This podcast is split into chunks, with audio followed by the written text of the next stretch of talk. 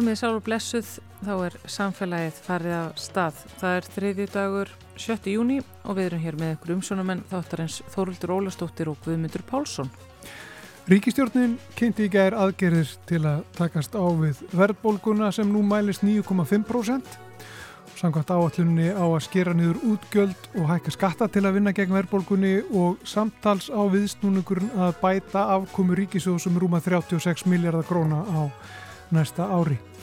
Við ætlum að ræða þessar aðgerðir og ástandið við Jón Bjarka Bentsson, aðalhagfræðing Íslandsbanka. Matvæla umbúðir verða sífælt flóknari verðist vera. Það allavega gerir flokkun á þeim flóknari, jáfnveil ómögulega, eins og nýverið máltengt mjölkurfernum sem eru brendar til orkunýtingar til framleiðislu semens í Evrópu, eins og heimildin fletti ofanan fyrir skemstu. Það er fara sannsagt ekki í pappirsendurvinnslu ferdundnar. Það eru vist ekki nógu góður pappir. Við ætlum að ræða við vöruhönnuð um þennan frumskók umbúða þar sem kröfur um arðsemi, innfaldleika og umhverfisvernd fara eiginlega bara aldrei saman. Svo eru Páll Líndal umhverfis, sálfræðingur með pistil hér í lok þáttar. En ætlum að byrja á aðgerðum ríkistjórnarinnar til að spórna gegn verðbólku.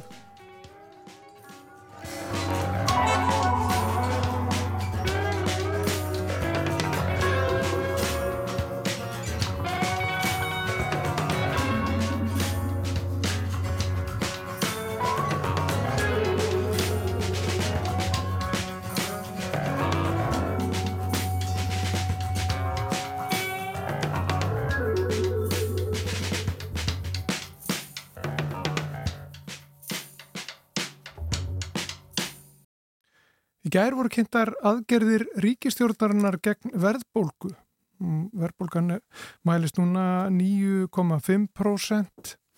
Stýrivextir hafa verið hækkaðir eins og fólk hefur tekið eftir og það hefur mikið verið deilt um það.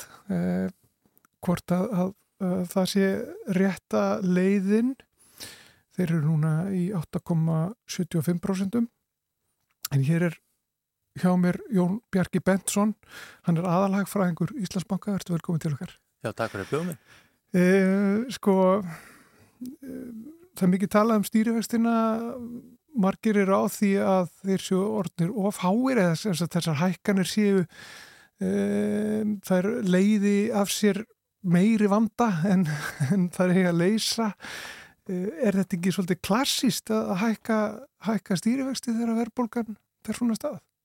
Jújú, jú, uh, Sælabankin okkar er ekki að finna pjólið þarna. Þetta er, þetta er viðbraðstaktík og leiðastef hjá Sælabankum sem hefur verið mjög almennt uh, undanfarin, já það er að vera 25 ár síðan þetta varð svona viðkent sem, sem heppileg fyrir hérna, peningastefnu og, og þó að okkur sé tamt að byrja okkur við uh, stóru seglabankana í nágrannaríkjuna yfir til að við erum að taka svona hann er hvort horfum við til þeirra stærstu bandaríkjana, Eurósvæðis eða, eða til nágrann okkar á Norrlöndum en staðrindin er svo að í ymsum hagkjörnum sem kannski eru líkari okkur með hvar, hvernig staðan er svona, þar sem verðbólka hefur verið óþægur ljárið þú lengi og, og kannski líka efnagsástandið er gott.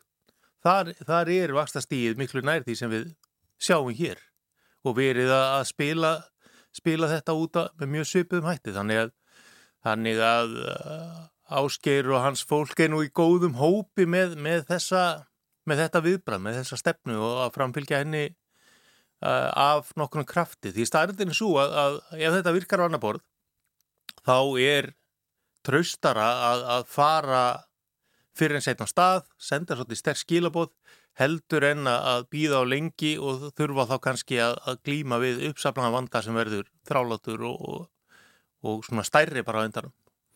En þegar þessar, þessar hækkanir hófurst uh, á sínum tíma, þegar að, að Sælabankin brást við með því að byrja að hækka stýrivexti, það hefur gert 13 sinnum í rauð, uh, eins og oft hefur komið fram í, í, í umræðinni.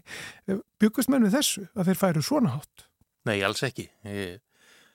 Vi, við og aðri sem að spáum fyrir um, um þessa vasta þróun vorum auðvitað ekki að teikna upp þetta mikla vaksta hækkanir. Aftur, það er náttúrulega reynsla sem að, sem að við erum svona í, í stórum alþjóðlegum hópi. Það, hérna, verðbólka hefur sínt sig að vera mun þrálatar bara heimsvísu heldur en, heldur en búist að við til dæmis fyrst eftir að verðbólku skotið eftir einráðs rúsa kom til og, og við erum að sjá líkt og hér í, í löndunum kringum okkur að hún er að breyðast út. Það er sem sagt ekki bara þessi liður eins og, og eldsneiti og matvara og málmar sem að hérna keira verðbólkuna eða verðbólkuþrýstingin heldur í vaksandi bæli uh, launahækkun og, og, og slíku þrýstingur. Sérstaklega ábrænt í bandaríkjunum. Við erum uh, mörguleiti líkari þeim svona með samsetninguna á verðbólku þess dagana heldur en ímsum uh, Európa-löndum en, en, en við sjáum þetta líka í Breitlandi og, og mér sé í Þískalandi sem að hérna hefur nú verið svona svolítið holdgerfingur hóflegra launakrafna og, stöðuleika þeim málum að þar er launaþrýstingur allt nokkur. Þannig að, að, að þetta er svona eitthvað sem er reynst miklu þrálátra og svo, svo maður hérna horfið nú aðeins með bjarsinskleirunum líka eða er reynið að benda á jókaðættina Það sem betur fyrir þá hefur efnahagurinn, ekki síst hér, líka bara hundsvísu, verið sterkari heldur en margi byggust við fyrir árið síðan. Það var verið að spá yfirvofandi kreppu viða um lönd, svona, svona fyrst eftir að stríðbrast á og við sáum hérna orkuverðir júka upp og, og svona bakslaverða. En góðu heitlið þá hefur það nú uh, í raunin ekki raungerst nema þá með mjög mildum hætti í einstakar landi. Já, þá erum við að tala um, um samdrátt Já. í hagkerfinu. Samt, sem, að, sem að svona, veist, alla jafna hefðu þá kælt komið til dæmis í vekk fyrir að myndi byggjast upp svona launaspenna á, á vinnumarkaði Já. í löndum heims þegar auðvitað fyrir aðurleysi fyrir að aukast og, og fólk fyrir að ágjöra ágóðinsinni þá, þá gerir það náttúrulega síður einhverjar, einhverjar mikla launakröfu, það verður bara fegið að halda vinnunni og, og sami gildur um fyrirtæki að samkeppnin um markaðsluteld verður náttúrulega mjög hörð þegar markaðurinn er kannski að minga mm -hmm. og þá, þá slá menna af álagningu alveg eins og alveg eins og er mögulega að geta til þess að missa ekki bara markaðin frá sér.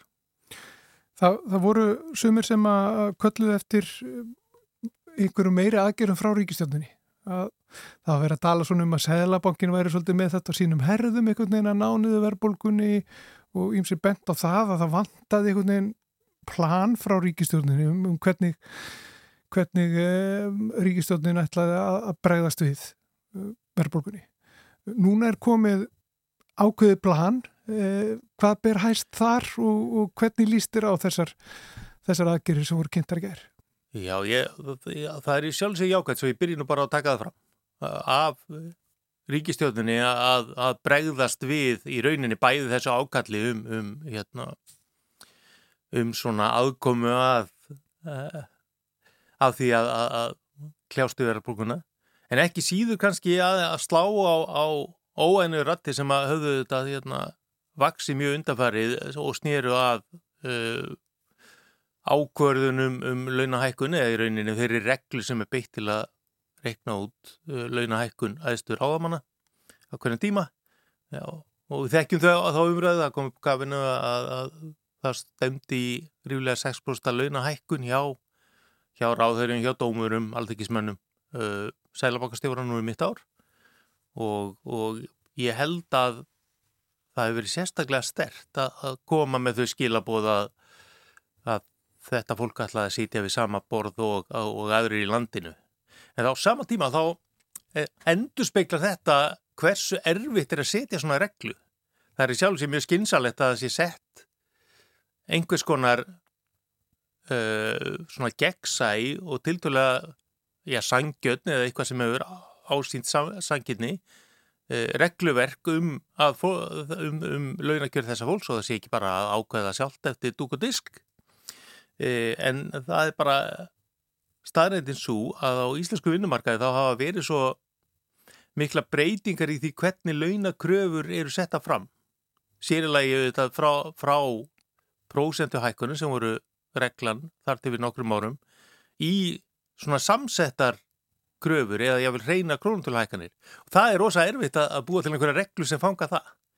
Þannig, þannig að, að, að ég hef samú með báðum aðlum málsins. Það er mjög skiljalegt að það fari ítla í fólk að laun uh, ráðamann að sé að hækka þetta ríflega. Þegar er alltaf verið að tala um að allir þurfi að sína aðhald en á sama tíma að hérna, regla er ekki regla ef það er alltaf verið að taka um sambandi. Þannig að mm -hmm. það er svona þetta pínu tví ekki að það þarf að fara sparlega með held ég að slá hana úr sambandi líkt og að gert þarna. En, en það var bara svo mikilvægt held ég að sína þennan lit að, að það, þau áhrifir miklu sterkari. Þannig að það eitt og sér var, var bara jákvæmt þau tóka, það var svolítið óhefilegt hvernig fyrstu viðbröður á manna voru við frettaflutningi um þessa hækkun að þetta væri nú bara svona ekkert að gera. Mm -hmm. Þannig að, að það er mjög gleðilegt held ég að þau skildu sjá sér með það og sína þennan lit. Ég held að ég eitthvað að, að hjálpa og veitir ekki af inn í kjara viðræðuna sem fari í hönd næsta vitur. Þannig að það bara eitt og sér það, það var bara gleðilegt að þau skildu hérna lenda því og, og, og, og svona útskýra það skýrt að, að þau ætlu að taka það bólta. Nú að öðru leiti var þessi áallu nú bland í póka svona og bytt bitarnir mér sætir og súrir kannski eins og oft er í svoleiðis bókum e, tölvöld að þessu var endur tekið efni. Það, það, með því að lesa saman e, fjárlög fyrir þetta ár fjármála áallunum sem var byrt í vor og svo aðgerða áallunum sem var byrt í gæðir þá er nú ansi margt písna kunnulegt til dæmis, dæmis ja, áallunum aukið aðhald á næsta ári. Það er, það er ekki mikil breyting frá því sem þegar var búið að draga upp í, í fjármála áallunum heldur svona skert á sumu lutum og, og hérna, aðeins bætt í. Þannig að, að það, það er líka kannski jákvæmt samt að teikna þetta svolítið skýrar í dráttum ymmit núna. Fjármála áallinu fekk kannski ekki alveg þá aðtikli sem að sem að heppilegt hefði verið og svona í vor. Það gekk mikið á þessum tíma og, og um margt að hugsa. Þannig að, að það er ágætt að rauðið upp en, en það er alveg rétt að, að þarna er fátt nýtt á ferðinni.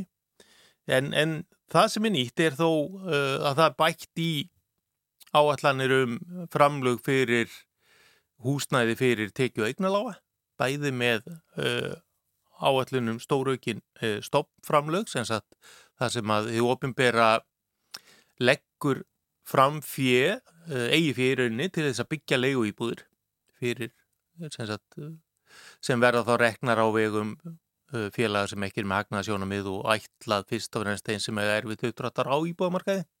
Og svo hitt að, að það er gefið í með hlutdeildaláni líka eða ætlunum það sem er þá fyrir þá sem vilja kaupa en, en eru eiga ekki mikla regnir eða, eða hafa mjög háa tekjur.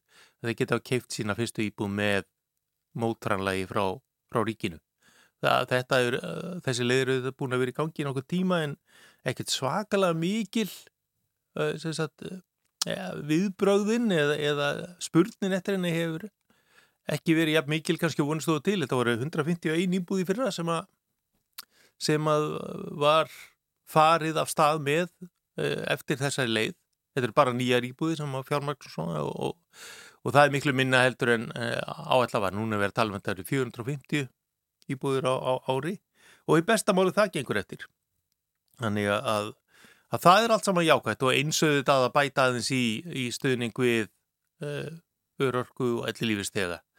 Uh, það stefni sem betur verið í að með þeirri 2,5% hækkun sem var ákveði núna ofan á uh, ríflega 7% hækkun núnum áramútin, þá stefnir í að, að þetta fólk fái einhverja kaupmátraukningu. Að, að verðbólka verði ekki mikil og sem nefnir þessu hækkunum og, og, og það er auðvitað mjög dýrmætt fyrir fólk sem að þarf að horfa í hverja krónu. Þannig að það, það er líka jákvæmt og, og alls ekki að gera lítið úr því. Þannig að það er kannski þetta, þetta svona þrend sem að held ég að vegi þingst og við þetta var svo svona bætti ímsu svona, ímsu svona, já, til, tilfæslu til dæmis á því hvenar aftur sett í gang fjármála regla sem að, sem að skildar ríkisjótt til að vera í jafnvægi yfir 5 ára tímabill því að flýttum eitt ár. Það hangi svo sama við uh, það að reksturinn hjá ríkinu verður hreinlega betri í, í ár heldur en horfið voru á vegna þess að tekina verða meiri. Það er ekki, ekki endilega því aðhaldi verði meira heldur uh, skilar uh, mikil verðbólka og hröðu launahækkun talsverðu nett og tekjum í ríkiskassan eins, eins svona hvað ég segja, angranlegu það kannar hljóma að, að ríkið hefur auðvitað hérna, tekjur sem eru tengdar verðlægi, þau verður sökka skatturinn tengist í bara beint og ekki síður umsýðum, þannig að það að hægustur er meiri, verðbólka er meiri, launin hækka kannski hraðar heldur en búist það við og þetta séu að sumlita ágefni, það bætir stöður ríkisjós, hjálpar þeim að loka fyrr e, gatin og ríkisfjármálum og það er alveg gott svo langt sér að næra, minnst kosti að það sé ekki verið að taka þennan tekju auka og setja hann beint aftur í, í úgjaldækningu. Þannig að, að, að ég ekki tekið undir ímislegt í gaggrinni sem hefur komið fram síðan áallunum var byrt en, en að samaskapi alls ekki að tala nýður sem slíka. Það er gott að þau eru að sína lit og áferðin að Sælabankin sé ekki einn í þessum slag við örfbólkuna. Það er ekki síðu mikilvægt heldur en tölutna sjálfar. Já. En ef við spyrir sko, þig sem ert aðalhagfræðingur í stóru banka, uh, hver er, hvað getur bankin sko gert? Getur hann brúðist við þessum um, hækkunum á, á til dæmis lánakjörum. Uh, vextir að hækka á lánum hjá fólki, afborganar að hækka hjá fólki. Þetta er, verðborgar náttúrulega virkar svona, það verður bara ja, ja. allt dýrara, það er talað um, um hagnað bankana og, og ofsagróða segja sumir sko, hvað hva getur bankin gert, ég meina hefur bankin gert eitthvað til að koma til mótsu fólk, getur hann gert eitthvað? Já, nú, nú náttúrulega verður ég að tala valega um, um um bankan sem ég starfa hjá því að það er bara í er í, í reglunum mitt starfa ég er svona kínaveikiða frá því að, að fjalla um, um sagt, uh, rekstur eða, eða stöðu bankans eða ákvarðanir sem að banki sjálfur tekur. Það er hérna, mér er alltaf að hafa sjálfstæðarna innan, vera svona pínuð hérna í, í minni búblu til þess að, að geta verið með óháða skoðun á því hvað er að gerast og hvað ætti að gerast. En, en uh, kannski bara byrja á því að, að tilganguri með hækkur stýrivaksta eru þetta að hækka vakstasti í landinu. Og það er engir kunnar hjá selbankarnir nema bara ríkisjóður og bankarnir í rauninni. Þannig að, að, að selbankir ætlar böngunum að miðla þessum vöxtum áfram í hærri lónskjörum uh, að sama skapi er auðvitað tilgangurinn líka að, að hækka innlánsvexti og, og uh, þar er, er náttúrulega sjálfsagt að, að, að fjármála kerfi spili með selabankanum og þeirri líka. Ekki bara að hækka útlásvextina heldur líka að, að innlán verði físilegri kostur fyrir fólk. Það mm -hmm. vöxturum ekki bara alltaf áhrif á, á sagt, vaksta úgjöld heldur líka bara hverðið til sparnar og það sem betur við uh, orðin staðan þannig núna að, að bæði með tilkomu nýra verðriðra reikninga sem bákandir eru fættin að bjóða upp á sem að fólk getur á minnskostið tryggt höfustóli sinna raungildi þó að segja vextinnir sem slíki sé ekki háir hérna og því að það er meira úrvala af óverðurreikningum á til dala háum vöxtum að þá er þessi leiðorði virkari heldur en, heldur en var fyrir nokkru misserum síðan. Eh, en það er svo stjórnenda bankans að svara fyrir það hvort það nú er að gert eða eða, hérna, eða, eða e, hvernig balansin að, að vera þarna á milli en það er, það er ekki síðan mikilvægt og, og ég held að það hefur svolítið miskilist þegar, þegar selabokastjóri hefur verið að brína bankana til að, að sína skilning og, og hérna, vera viðbúin því að, að sína stöðningu fólk og fyrirtæki að það er þá ekki síðu verið að horfa til þess að styðja við bakið á þeim sem lenda í, í kreppendansi Eh, Sælabanki væri auðvitað ekki að hækka vexti þetta mikið ef hann keldi að almennt yrði það heimilum og fyrirtækið í stór tjóns. Eh, það er mat þeirra og ég ekki tekinn það að fleiri en færri geti staðið þetta af sér.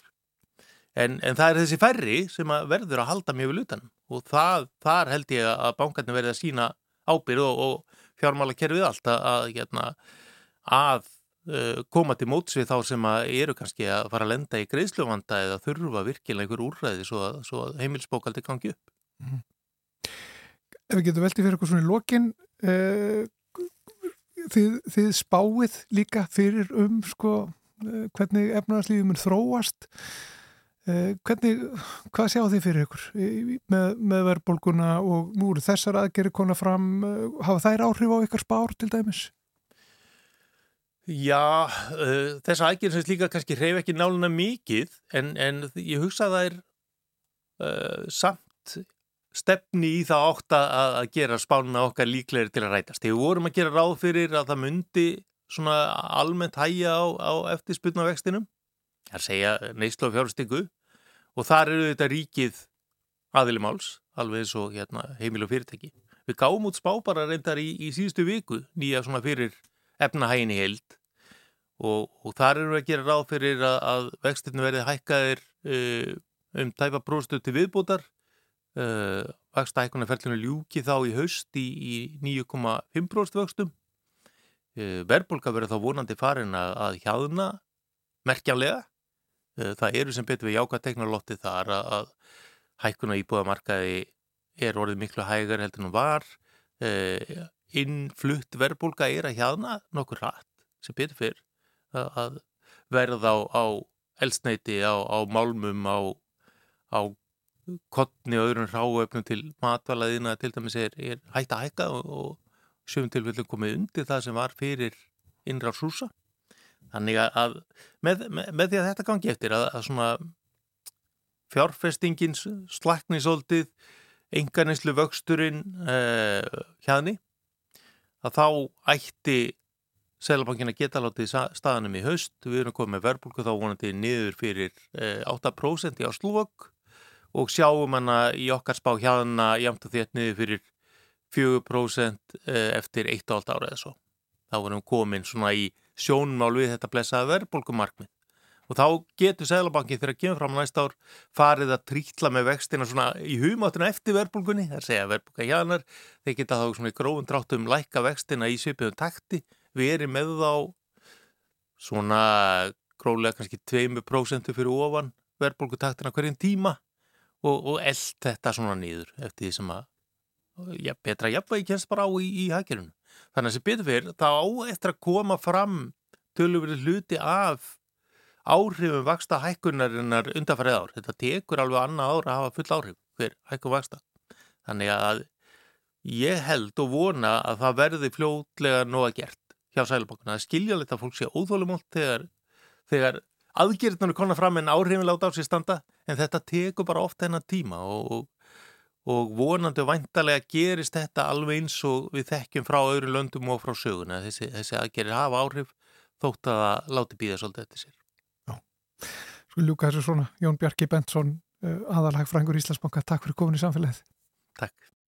All of my love, all of my kissing You don't know what you've been missing, oh boy. Oh boy, when you're with me, oh boy. Oh boy, the whole world can see that you were meant for me.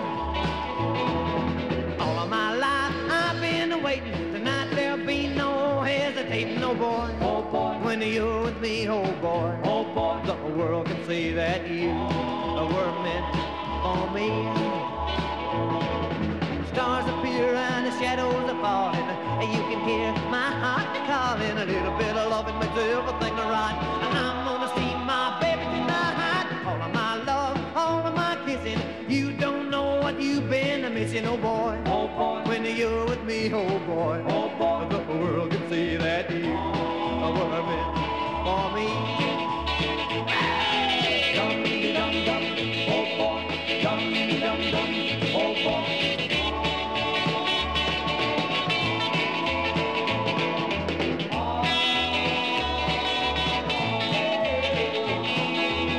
of my love, all of my kissing, you don't know what you've been missing, oh boy. Oh boy, when you're with me, oh boy. Oh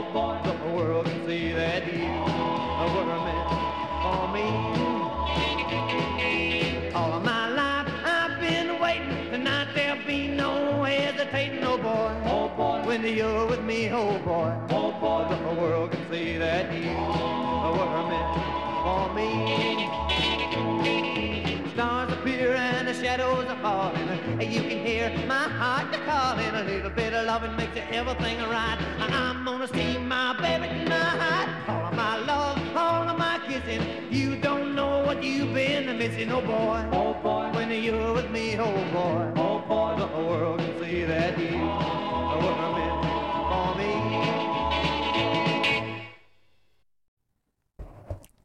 Buddy Holly og hljómsveitinu The Crickets og lag frá árinu 1957 Oh Boy Við ætlum að tala um umbúðir, sérstaklega umbúðir utan af matvælum. Hlustendur samfélagsins þekki þetta hérðan úr ruslarappinu að við erum ofta að reyna að finna út úr því hvernig flokkar eru þetta, hvernig flokkar eru þetta. Af því að við erum ekki alltaf viss þegar við höldum á einhverju. Hvað er þetta? Er þetta pappi eða er þetta plast eða er þetta kannski bara lífrönd og í hvaða flokkun að stampa á þetta fara? Þetta er vesen og uh, nú síðast uh, kom heimildin út með þá bombu að mjölkuferðnurnar okkar sem að ég held að vel flestir heldu að færu í heiðarlega pappirs endurvinnslu. Það er ekki svo. Um, þetta eru það blandaðar umbúðir, þessar tetrapakk umbúðir svo kallar, að þær uh, fara til brennslu til orkunýtingar. Og þetta var áfall fyrir mjög marga sem að hafa lagt sér mikið fram við að skóla og pressa og búa svo um uh, þessar mjölkurferðnur að þær séu fínur og flottar í, í góða endurnýtingu í ringrásarhæðkerfinu. En aftur, hvað er þetta með umbúðir? Áhverju er þetta svona flókið allt saman? og væri hægt að einfalda þetta. Og þá fer maður bara til fræðingarna. Já, það eru til fræði sem heita vöruhönnun og það er einmitt vöruhönnur sem er sestur hérna hjá okkur í samfélagið. Hann heiti Búi Bjarmar Aðalsteinsson, vöruhönnur og líka kennari í listaháskólanum. Sælvertu Búi? Sæl. Á hverju er svona mikið af matvælaumbúðum sem eru ekki hrein efni, heldur sitt lítið af jáfnvel fimm efnisflokkum? Ástæðan er náttúrulega bara einfallega að við erum að nýta eiginleika efnana. Um, við erum að nýta þá uh, eitthvað sveianleika í plasti eða uh, verð á pappa sem er látt og, og þegar við blöndum þessu saman þá er hérna, það bara verið að draga fram alla þessa eiginleika og náttúrulega fyrst og fremst það sem að, uh, framleiðslu fyrirtækin er að hugsa um er bara líftími vörunar. Segja við séum með umbúðir sem að passa upp á að varan getur staðið sem lengst eða í þann tíma sem að ákjósanlegt er og síðan þá aftur einhverja aðra, þú veist, að þarf að flytja vöruna millir staða, um, þarf að, þú veist, er þetta stóra römbuðir, þarf að vera hægt að uh, hlaða þessu í gám, um, svona allir þessi hlutir sem eru, þú veist, hvernig varan ferðast og síðan hvar varan endar og síðan þá hvað notandin ætlar hann að gera við hana, ætlar notandin að opna hana og setja henni í ískáp eða ætlar hann að opna hana og nota alla vörun í einu. Þannig að þú veist, alla þessar ákvarðanir síðan búa til þetta samkurl af efnum og endar oft kannski e, og, já, og kannski sá endastæðurinn það sem er endurvinnslan eða þú veist, fær kannski að mæta afgangi í þessari ákvarðanatöku sem er í vöru þróuna ferlinu. Þannig endurvinnslan setur einhvern veginn uppi með svartapjöturinn í, í umbúða ákvarðanaferlinu og hönnuninni á því. Sko, ég held náttúrulega að þannig svona upp á síðkastið og síðustu ár hefur þessi krafa um að fyrirtæki séu meðvituð um umhverfisárfjöfin sem að, hérna, þau valda svona hækkað og ég held að öll svona fyrirtæki með fyrirtækjum eru með eitthvað fulltrúa í þessum málum og eru eitthvað neina að reyna að meta hver umhverfisárfjöfin eru og hvernig þetta bregðast við þeim. Já, já. Það sé hann hvort að það sé nóg, það held ég að sé ekki og og, og þetta, þú veist, og svona endar alltaf í þessari umræðu um, þú veist, hvar likur ábyrðin um, ég held að það sé galin hugmynd að alltaf treysta fyrirtækjum fyrir því að taka upp á sína arma að fara að stíga förstum skrefum í umhverfsvend ég held að það muni sent gerast. Um, það treyst á neytendur síðan eins og í þessu hérna, mjölkufernumáli og það sem að svona, hvað segja uh, svona ríkt í stóðum notenda samviskunar að það er, þú veist, vissulega eitt, eitt, eitt liður í þessu og náttúrulega kannski fyrst og fremst vitundin og krafa samfélagsins Mhm. þú veist, að einstaklingni séu, herru, ég vill ekki menga, þú veist, ég vill ekki eðilega jörðina uh, og vill gera alveg mitt í því en ég held að það sé hérna, hverki nærri nóg og þá, þú veist, kannski endar þetta alltaf í, í hérna löggjáðunum að Já. hvernig umhverju sköpum við með reglum og fleira það sem við, þú veist, krefjum þá framleiðendur að hérna, í, í upphafi skal endin skoða Já, um, sem ég held að ég mjög vel við þarna. Um, og auðvitað þarf þetta alltaf að tala saman og, og maður sé náttúrulega mörg fyrirtæki sjá eh, ákveðin svona sóknafæri í því að markasitja sig sem umhverfisvæn mhm. það sé hann hvort þú séu raunverulega umhverfisvæn eða ekki það sé allt, allt Já. annað Það er einmitt það sem þú einmitt þú sagðir á þarna. Krafan um sko að vera eh, á grænulínunni er sífælt meiri og þetta stökka fyrirtæki hérna um borða hana, eh, hver svo sem að drif forsenda þess er. En það sem að virðist einhvern veginn gerast í því að í viðleitni sinni til þess að verða umhverfisvætni, að þá verða þau óumhverfisvætni. Að því að, að það með því að gera umbúðunar, blanda umbúðunar að því að þú ætlar að draga um þessi vara með 50% minna plasti í, mm -hmm. að þá verður hún samt að einhverju bara óflokkanlegu hybridskrimsli. mm Þú veist, það væri eiginlega betri hún væri bara plast. ömmut En neytendur vil ekki plast og framlöndu vilju þetta selja neytendum um, og sortflokkunin vill fá plast uh, og verður að treysta neytendum á að flokka. Þannig að í, veist, það, það, það, allt í hennu var þessi góða krafa um, um umhverfisvernd, einhvern veginn að einhverju skrimsli sem er Mhm. ekki umhverfisvernd. Emi. Nei, þetta er, veist, þetta náttúrulega endar oft í þessari, er svona, ég veit ekki hvað að kalla s- samanburðar umhverfisvend. Eins og var, þú veist, eins og þegar það, hérna, kannski fótóldi hátt hérna í kringum Káranhuga með að það væri umhverfisvætna að byggja álver á Íslandi en það væri að gera það í Kína. Þú veist, þessi hugmynd um að það að menga á einum stað með einhverjum forsendum sé réttlætanlegt af umhverfisjónum ef að það kemur í staðin fyrir eitthvað annað og þetta er svona, verður óheyrilega flókin samanburður og þannig er mitt, þú veist, ok, við erum að brenna einhverjar mjölkufernur eitthvað stöður út í heimi til þess að- knýja fram einhverja sementsframlegslu þetta er náttúrulega hljómar ræðilega eh, en, en, en hín leiðin hefði verið að brenna einhverja kólefniskuppa sem mögulega hefði verið örlítið verri fyrir eða, hérna, meiri umhverfisáhrif eða hérna, koldfíoxíð gildið verið herra og þarna, þannig að þetta verður strax einhvern veginn svo bjaga en þú veist, loka niðurstaðan og það sem er, hvað ég segja, svona einfaldasta í þessu er bara minni neysla minni umhverfisáhrif og ég held að fyrst og fremst að neytendur og við sem einstaklingar þurfum að hafa hátt um umhverfisvend. Bæði í þessu stakamáli og líka í heildarmyndinni og segja, þú veist, heyrðu, við verðum að gera allt á öllum vikstöðum og það er niðurstaðan. Við verðum bæði í einhverjum tilvíkum að nota þessa samanburðarfræði en svo þá líka spyrja okkur, þú veist, hvar getum við minkað neslun okkar, hvar getum við fækkað kilometrunum uh, og svo þá aftur að hugsa, þú veist, hvað tækifæri eru fólkin í því?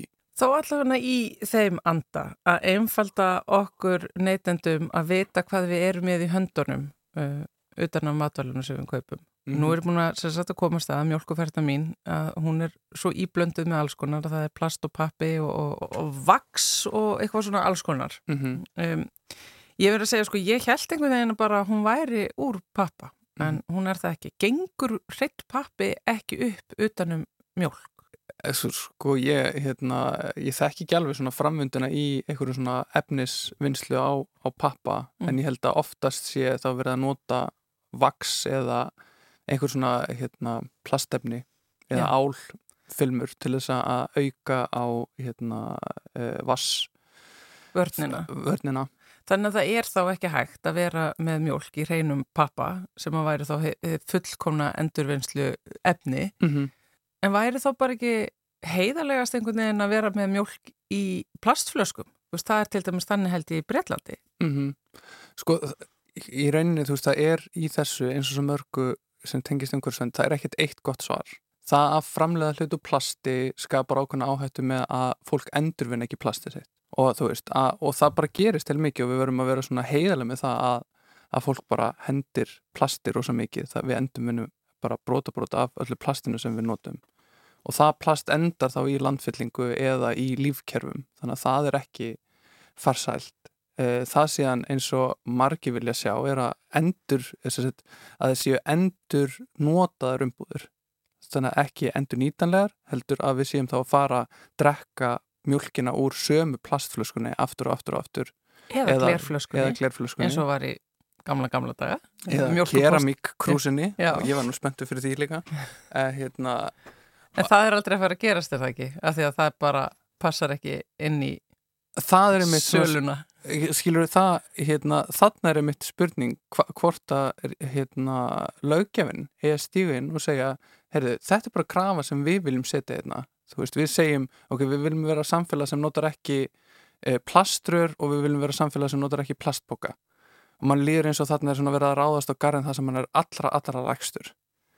Við getum síðan alveg stíð skrifin lengra og sagt, þegar við viljum vera samfélag sem drekkur mjölkur glerflöskum og endurnýtu þær og búin til hreinsunastöð og ég meina og Vívilfell sagði á sinni tíma þegar hætti framleysluna á hérna, gler, eh, endurnýtinu glerflöskunum að það svaraði ekki kostnað það væri ódurra að hérna, flytja þetta allt saman inn og eh, eitthvað þannig og þú veist, og jú, við, þú veist það er hérna eh, hérna, niðurstaðan að oft eru svona endur þvottadót og þú veist, að naglhreinsa spýtuna það er bara orðið svo dýrt að því að launakostnaðurinn er hár og, og allt þetta og, og eitthvað svona baks og e, þarf að gera ráð fyrir mörgu. En hvort það sé hægt eða ekki, auðvitað er þetta hægt. Við höfum gert þetta í e, hérna, rosalega lengi.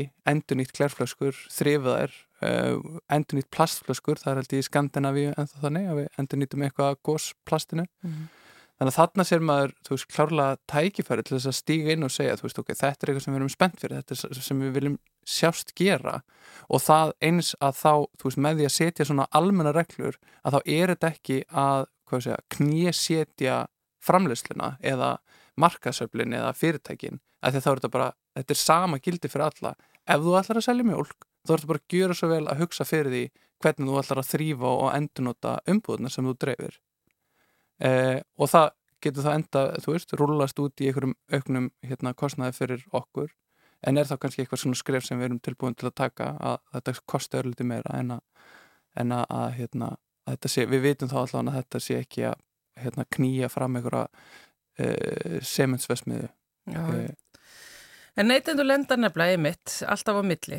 Mjölkuframlegendur hér á Íslandi taka ákvörðunum að, þeir ætla að vera með þessar mjölkufernur af því að Mhm. það hendar best utanum þeirra vöru.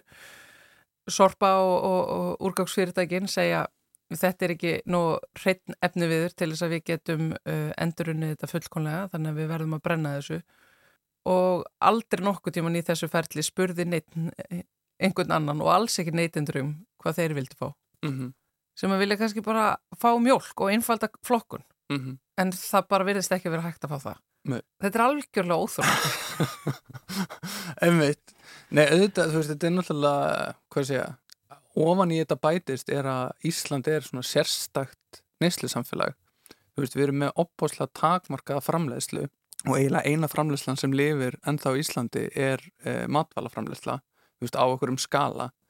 Þannig að þar eru, veist, þar hafa verið, þar hefur þróunin átt sér stað, þar he, hef, hafa þessi svona stökk gerst sem að, hérna, þú veist, og eigum risastór fyrirtæki á þessum vettvangi sem er, líka alveg eru relevant erlendis eins og hvergi marel og, Mm. og fiskvinnslan öll saman og, og allt þetta uh, en, en það sem að er svona flóki við þetta er að, og nú ætlum ég ekki að úttala mig um sérstaklega þessar tetrapakk umbúðir er að í mið-Evrópu þar sem þú ert með miklu stærra framleiðslu uh, hérna, svona hagkerfi að þá er þetta svona flæði á afurðum getur mögulega uh, verið svona þægilegra og þá einhverjar endumvislustöðar sem sjá hérna sóknarfæri í því að sérhæfi sig í einhverju eins og tetrapakk umbúðum sem að bara gerist mjög ólíklega hérna á Íslandi þar sem að mjölkursamsalan er bara eins og eitthvað hérna, eitthvað sjoppa í einhverju svona framleyslu skala hérna, eitthvað svona evróskum framleyslu hugtaka fræðum. Við erum svo lítil, þetta er sama gamla sagan. Já og líka sko við erum með svona sérstakar aðstæður varandi þetta þannig að hérna uh, en það myndi ég segja líka sko þarna eru líka þá sóknarfæri í að hugsa framleiðslu línutnar þannig að þar séu umhverfisvænar og þá samræmist kröfum neytinda og samfélagsins um bæði náttúrulega umhverfisvend og síðan, þú veist, hagkvæmar umbúðir og, og fleira. Um, þannig að ég held að þarna sé líka alveg svona hellingu sem er hægt að skoða og oft náttúrulega við að sækja einhverju svona patent umhverfislausnir. Um, en það, þú veist, það þarf náttúrulega ekkit alltaf að vera þannig. Þú veist, það að naglhreinsa spýtu veist, það er, það er engin ísostadall og það er engin patentlaust það er bara að endurnýta efni sem við erum með fyrir framann okkur. Þannig ég held að við þurfum líka, veist, á Íslandi það sem við erum með svona veist, sérstakt umhverfi einn risastóran aðla í mjölkvinnslu og svo einhver svona minni eh, aðla svona samhliða, þetta svona skapar líka ákveðin tækifæri í að framleiðslu staðirnir eru færri og flutningsleirna þannig að við getum svona séð alls konar svona sóknarfara tækifæri í að nýta betur affallsafurðnar sem skapast í þessum ströymum og þá að emitt mögulega hugsa einhverjar aðrar umbúðir sem við getum nýtt einhver starf annar staðar og svona tengt saman framleiðendur og fleira.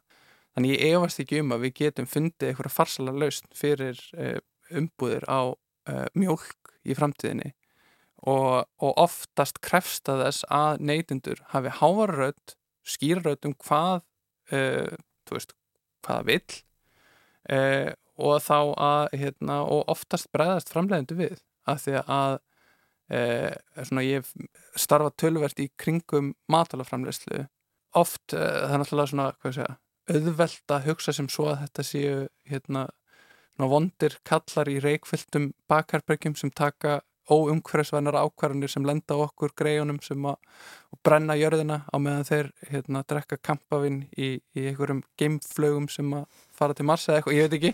En þú veist, en allan að það sem ég lærði að miklu leiti þegar ég var í þessum matvala geira er að það er hlusta rosalega mikið. Að matalaframlendur hlusta eftir rödd notenda. Og þeir bregðast við með tvennum hætti. Annars vegar hvernig getur við látið notendur halda að við séum að bregðast við því sem þeir eru að byggja um. Og svo hitt er hvernig getur raunverulega bröðust við sem neytundur eru að segja og þess að bröðust í rauninni rétt innan svega rétt við? Það er einmitt svona, það sjáum við dæmi það sem að, framlegendur raunverulega bregðast við einfalda umbúðir draga úr magni umbúða eh, draga úr efninu sem við erum að leggja óna á, á vöruna Uh, og þú veist ég held að sé líka og þú veist orðið algjörlega ótækt að þú veist vera með svona marglaga umbúður eins og hérna, og hvað héttu þau hérna myndukeksin sem voru í þreföldum plastpækningum og svo álfilmi utanum hvert og einast keks þú veist að svona hlutir bara get ekki gengið lengur og maður sér alveg að það er bröðist við mm. þú veist og líka bara eins og hérna vegan uh, samfélagið hefur náttúrulega verið ofbúslega hávært með sína kröfur og, og bent á, þú veist, okkur þetta er bara ágættis hugmynd og hvernig hún dregur úr mengun og fleira. Og maður sér að, veist, að það hefur virkilega verið bröðist við því ákalli.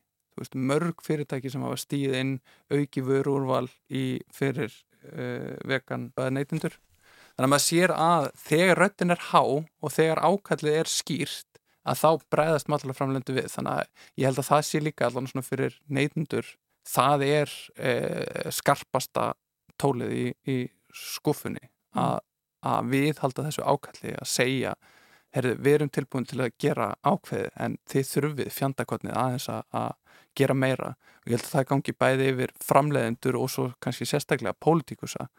Við þurfum að hugsa þetta heildrænt, við þurfum að bregðast við á öllum vikstöðum Þá er bara að sjá hvað gerist hvort að við fáum nýjar og breytar pakningar utanum uh, vökun okkar, mjölkin okkar ekki hvað síst. Búi Bjarmar Aðalsteinsson, vöruhannur og kennari í lista áskólanum. Takk alveg fyrir komina í samfélagið. Takk fyrir mig.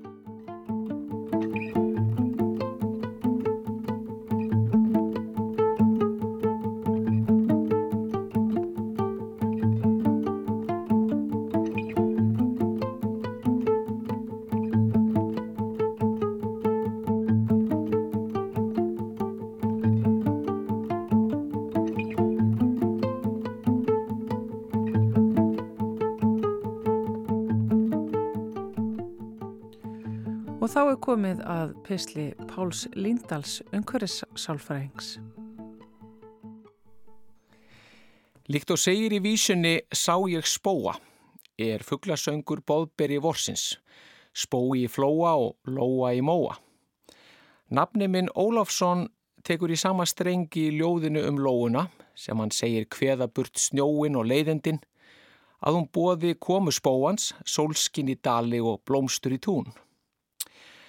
Já, það er fáttindislegra en að sitja í kyrð og ró, hlusta á lóuna syngja og spóan vella.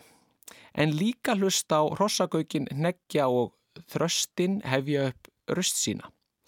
Heyra í áltum kvaka og stelkin kalla, svona í hæfilegu magni þó. Gargið í kríunni hefur líka sinn sjarma, svo framalega að hún sé ekki árásarhug beint ofan við höfuð á manni. Fugglasöngur er yfir og allt um kring á þessum ástíma. Í byrjun júni, þegar að dagarnir eru langir, nóttinn stutt og náttúran öll að taka við sér. Rannsóknir hafa sínt að fugglarljóð eru góð fyrir geðhelsu okkar og skap.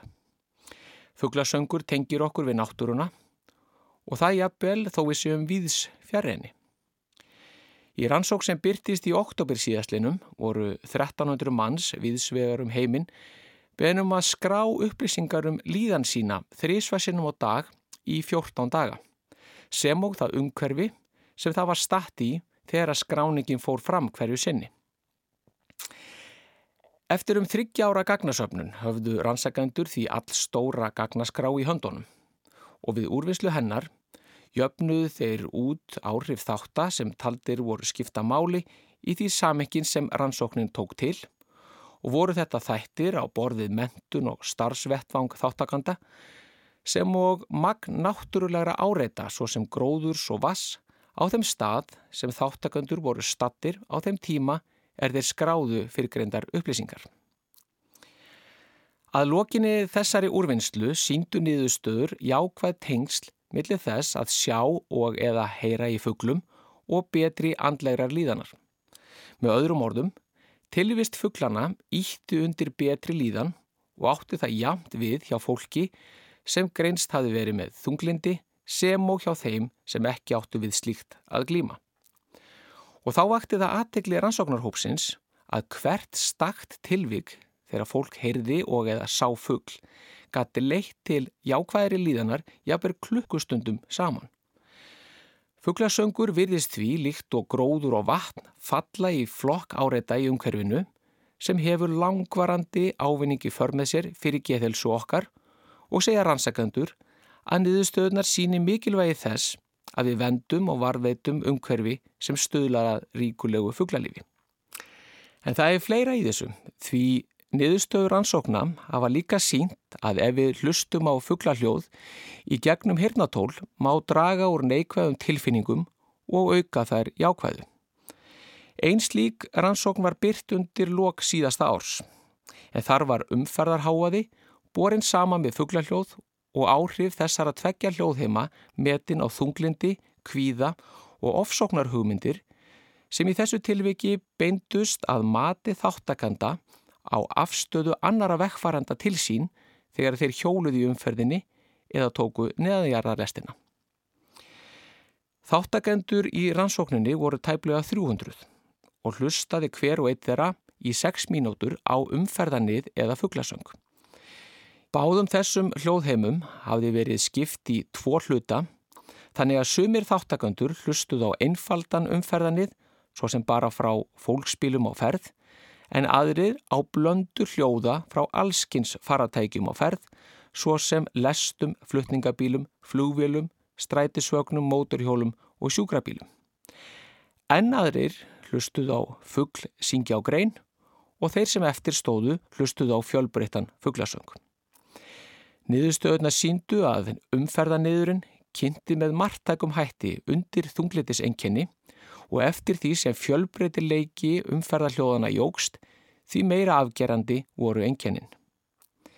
Fjölbreyttur fugglasöngur dró hins vegar úr þunglindis enkennum og sömulegis dró fugglasöngurinn óháð fjölbreytileika úr kvíða og ofsóknar hugmyndum. En þess má geta að rannsóknin þessi var svo fyrsta sem sínir fugglasöng draga úr slíkum hugmyndum en áhugi rannsakanda á þessum tengslum á meðal annars rætur að rekja til rannsókna sem sínt hafa að hjólreiða fólk í þjættbili þekkir yðurlega að einhverju marki til ofsóknarhugmynda sem orsakast af umferð annara velgnúina farartækja sem oft byrtast þeim sem hættuleg og eða ógnandi. En það sem er engar áhugavert í þessum niðurstöðum er að margtakur munur á sálfræðilegum áhrifum þess að tveggja hljóðheima skuli koma fram aðeins eftir 6 mínútnar hlustun gegnum hirnatól. Sömulegis eru áhugaverða niðurstöður sem sína að fugglasöngur sem og önnur náttúruhljóð, svo sem regningarhljóð og öldur að brotna í flæðamáli, íta undir hugræna getu okkar. En í rannsóknetni hlustuðu þáttakandur í 15 mínútur á 40 slík hljóðbrot sem hvert og eitt varði í 20 sekundur. Til samaburðar hlustuðu þáttakandur einnig á hljóð sem tengdust þjættbílisumhverfi, svo sem umferðanið, skvaldur og diskaglamur og kaffihúsi og suð frá loftkælingar búnaði, en áhrif þeirra hljóða á hugranna getu þáttakanda voru engin. Þessar rannsóknir og margar fleiri sín okkur því skýrt að við mannfólkið erum bísna fljót að finna fyrir um áhrifum umhverfisins. Þessi áhrif læðast að okkur og seittla inn meðan við sinnum okkar hverstaslugu skildum og oft áttu við okkur ekki á því fyrir en við stígum með afgerandi hætti út úr aðstafanum, til dæmis þegar við skreppum upp í sumarbústað eða í góðan göngutúr út í náttúrunni. Niðurstöðunar falla því vel að niðurstöðum sívaksandi fjöldaransókna sem sína fram á jákvæð áhrif náttúru og síður jákvæð áhrif þjættbílisumhverfis þegar kemur að geð heilbriði okkar og andlegri líðan. Rachel T. Buxton, dósand í lífræði við Carlton Háskólan í Kanada og félagar hennar tóku saman nýverið heilsufarslegan ávinning af náttúruhljóðum og fléttuðu hann saman við hljóðheim á 221 stað í 68 þjóðgörðum viðsvegar um bandaríkin. Niðurstöðu þeirra síndu að náttúruleg hljóð eru heilsubætandi og auka jákvæða tilfinningar á sama tíma og þau draga úr streitu og pyrringi. Greiningavinnan síndi einnig að margir bandarískir þjóðgarar bjóða upp á ríkuleg náttúruhljóð og lítið af hljóðum af mannavöldum og segir vísendafólkið gríðarlega mikilvægt að huga vel að og varðveita hljóðheim þjóðgarðana. Ekki síst þeirra sem margir sækja heim, en það geti hljóðheimurinn skipt sköpum þegar kemur að heilsu og líðan þeirra sem hann upplifa. Niðurstöðu Bögstóna félaga sína að vassljóð eru stærsti áhrifathátturinn hvað varðar jákvæðar tilfinningar og heilsu almennt. En fugglasöngur er bestilisfallin til að draga úr streitu og pyrringi. Og þó enn sé margt á huldu varðandi áhrif fugglasöngs á þessa ferla, þá hefur verið sínt fram á að söngurinn ítur undir að við sleppum takinu og stöldrum aðeins við, kvílum okkur aðeins og upplifum það sem kallað er sálfræðileg endurheimt, ferli sem áður hefur verið rætt um hér í þessum pistlum í samfélaginu. Sálfræðilegri endurheimt má líka við að við stingum okkur í samband við hlöðum batteríin. Og eitt þáttur sem býra baki slíkri upplifun eru minningar okkar og merking hlutana. Þannig virðist fortíð okkar og framtíð geta haft áhrif á hvort við upplifum endurheimt í tilteknu umhverfi eða ekki og hefur vísenda fólk verið áhuga samt um að kanna tengsl, fugglahljóða, minninga og sálfræðilegar endurheimtar. Það verður nefnilega að hafa í huga að þó fugglarhljóð séu almennt talin helsusamleg á að hlýða, þá eru þau mjög fjölbreytt og falla þau okkur mjög seflega í geð. Alla jafna nýtur söngur söngfugla meiri vinsalda hjá okkur mannfólkinu en hljóð þeirra fugla sem ekki syngja og er ein möguleg skýring þess svo að við tengjum aggressíft og ógnandi atferðli oftar við fugla sem ekki syngja en þá sem syngja. Í breskri rannsók frá 2016 voru ríflega 170 manns beðnum að meta 50 fugglarhljóð með tillitið þess hversu vel hljóðin íttu undir sálfræðilega endurheimtin. Jafnbrand voru þáttakandur beðnir um að segja fyrir um hvers konar umhverfi, fugglategund, árstíð og aðtapnir þeir tengdu við hljóðin. Niðurstöðuna síndu að þau fugglarhljóð sem fólk tildi helst við endurheimt og velíðan löðuðu fram tengsl við grænsvæði og gróður, bjartan dag að vori eða sumri og uppbyggilegar aðtapnir. En fugglarhljóð sem síst stöðluð að endurheimt og velíðan tengdu þáttakandur við sjóin og framandi umhverfi, önnu dýr en fuggla og aðtapnir sem tengjast viðbræði við augrandi hegðun fuggla. Með lísun á þessu virðist lóan því veit okkur meili sálaró en svartbakurinn. Takk í dag. Skemmtilegu pistill að venju hjá Páli Líndal. Það er alltaf eitthvað. Það er, það er mjög gaman að lusta á þessar pælingar úr hans fræða heimi. En uh, Páll uh, sló botnin í þátt dagsins í dag. Samfélagið verður hér aftur á sama tíma á morgun klukkan eitt og ætli við verðum bara uh, einhver hér að fylgja þeim þættu úr hlaðin. Er það ekki líklegt? Það myndi ég að halda. Já, Þóruður Ólustóttur og Guðmundur Pálsson þakka fyrir síðan í dag að mista kosti. Heyrjum þetta morgun. Verðið sæl.